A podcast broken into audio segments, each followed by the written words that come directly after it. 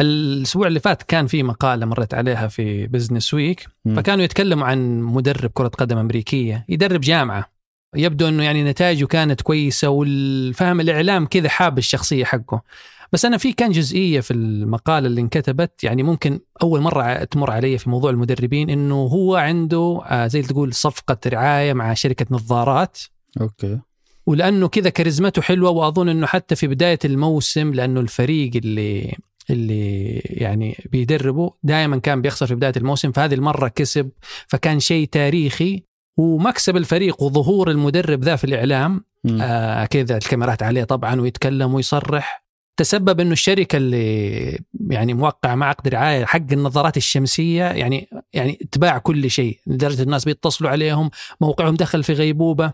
فأنا مستغرب أنا ماني داري إذا مر عليك يعني أنا مثلا على مستوى كرة القدم ما قد يوم مثلا سمعت إنه مدرب مشهور في كرة القدم موقع عقد رعايه مثلا مع شركة الله يكرمك جزم تيشيرتات كله لابس بدل وكله مرتب. ف هل أنت يوم من الأيام كذا قلت حاشتري يعني أثر فيك التسويق ده حق اللاعبين ولا المدربين ولا أنت م... لا لا منيع الص- ضد هذه الأشياء؟ لا الصراحة اللاعبين طبعا. يعني مثلا يكون عندي ميسي ولا ولا رونالدو ولا حد وراح أشتري حاجة مدرب لابسها. فاهم قصدي؟ طب يعني لو لو ميسي جاي لابس مثلا تيشيرت الأهلي تشتري؟ أي أهلي فيهم. الأهلي المصري. ما تدخلناش في السياسة بقى.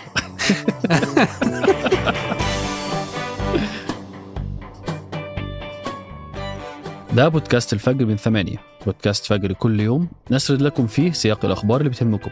معكم أنا شهاب سمير. وأنا ثمود بن محفوظ.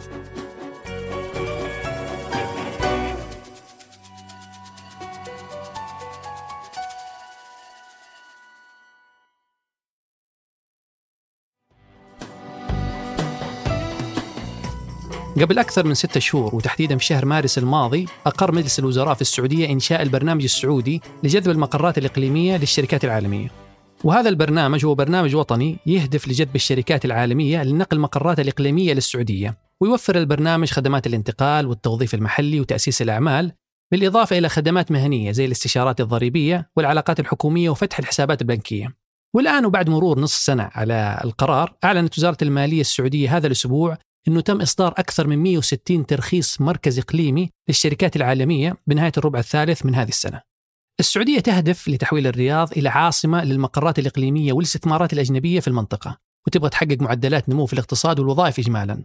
وبحسب الإحصائيات فكل وظيفة في المكاتب الإقليمية للشركات ينتج عنها وظيفتين إلى ثلاث وظائف خارج المقر الإقليمي للشركة. ويتوقع أنه راح تتوفر في السعودية ما بين 30 إلى 40 ألف وظيفة للسعوديين من هذه الشركات بحلول 2030 بالإضافة إلى أنها راح تساهم في إضافة ما بين 61 إلى 70 مليار ريال للاقتصاد المحلي. وبالإضافة لجذب المقرات فالبرنامج يسعى أيضا لزيادة نسبة المحتوى المحلي وتنمية قطاعات جديدة. حاليا تضم منطقة الشرق الأوسط وشمال أفريقيا مقرات إقليمية لأكثر من 345 شركة عالمية. لكن نصيب السعودية منها ما يتناسب إطلاقا مع الإيرادات والأرباح اللي تحققها هذه الشركات من السوق السعودي. ففي 2021 استضافت السعودية أقل من 5% من المقرات الرئيسية للشركات الإقليمية.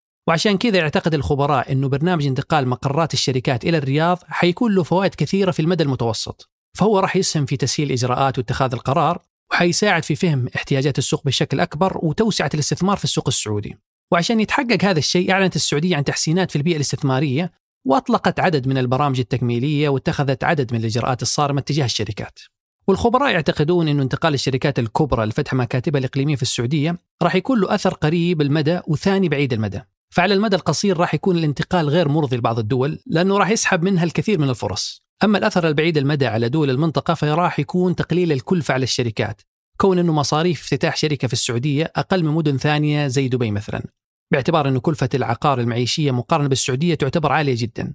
وعشان كذا انتقالها للسعودية راح ينعكس على أسعار الخدمات والمنتجات اللي تقدمها هذه الشركات إجمالا.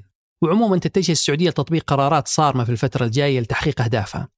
فقبل أكثر من سنتين وجهت السعودية بشكل نهائي إنذارات للشركات الدولية بأنها ما راح تكون مؤهلة أنها تحصل على عقود حكومية ابتداء من 2024 إذا ما كان عندها مقر إقليمي في السعودية واشترطت على الشركات الأجنبية إعادة استثمار بعض أرباحها في المجتمع بالإضافة إلى تدريب ونقل المعرفة إلى المواطنين السعوديين.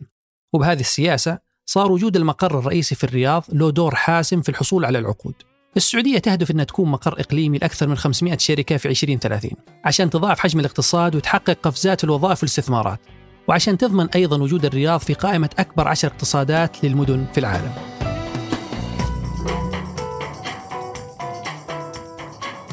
وقبل ما ننهي الحلقة دي أخبار على السريع. في الرياض أعلنت مدينة الملك عبد الله عن بدء الإنتاج في أول منشأة لتصنيع السيارات الكهربائية في السعودية. وهينتج المصنع 155 ألف سيارة من سيارات لوسيد الكهربائية سنويا. وافتتحت مجموعة لوسيد جروب للسيارات الكهربائية رسميا أول مصنع للسيارات في السعودية الأربعاء الماضي. وهيتم إنتاج سيارات لوسيد الكهربائية للسوق السعودي ومن ثم تصديرها لأسواق أخرى في المستقبل. أعلنت وزارة المالية في السعودية أن الاقتصاد السعودي هيشهد نمو يتجاوز 4.4% في 2024 وصولا إلى 5.7% و5.1% خلال 2025 و2026 على التوالي.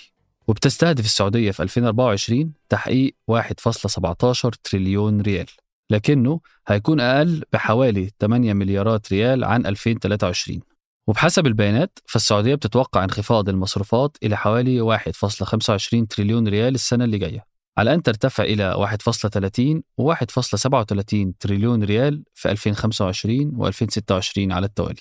وده يعني بحسب كلام وزارة المالية أن الميزانية السعودية في طريقها لتسجيل عجز 79 مليار ريال في 2024 لكنه هيكون محدود ومش هيتجاوز 2% من الناتج المحلي الإجمالي. موقع بوكينج لحجوزات السفر مش هيدفع لعدد من مشغلي الفنادق وشركائه الآخرين في جميع أنحاء العالم لشهور متتالية وده بسبب مشكلة تقنية. وكان عبر مسؤولي الفنادق والمؤسسات في تايلاند وإندونيسيا وأوروبا عن إحباطهم لعدم تحويل الشركة لمستحقاتهم من شهور. وإن المشاكل المرتبطة بالأداء حصلت بنفس الوقت مع إعلان مجموعة بوكينج في أغسطس اللي فات عن تسجيل إيرادات إجمالية بلغت 5.5 مليار دولار وأرباح قدرها 1.3 مليار دولار للربع الثاني من عام 2023 وعادة لو العميل كان حجز فندق من خلال بوكينج واختار الدفع مقدما فإن عملية الدفع بتتم من خلال الموقع نفسه. واللي بينقلها بعد كده؟ إلى مشغل الفندق بعد ما بياخد عمولته. وصرحت بوكينج بعدها بأن المشكلة دي استغرقت بالنسبة للبعض وقت أطول من اللازم وإنهم شغالين بشكل عاجل لإنهاء المعاملات العالقة.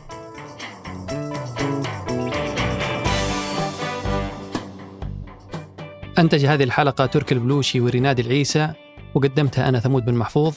وأنا شهاب سمير. وحررها محمود أبو ندى. نشوفكم بكرة الفجر.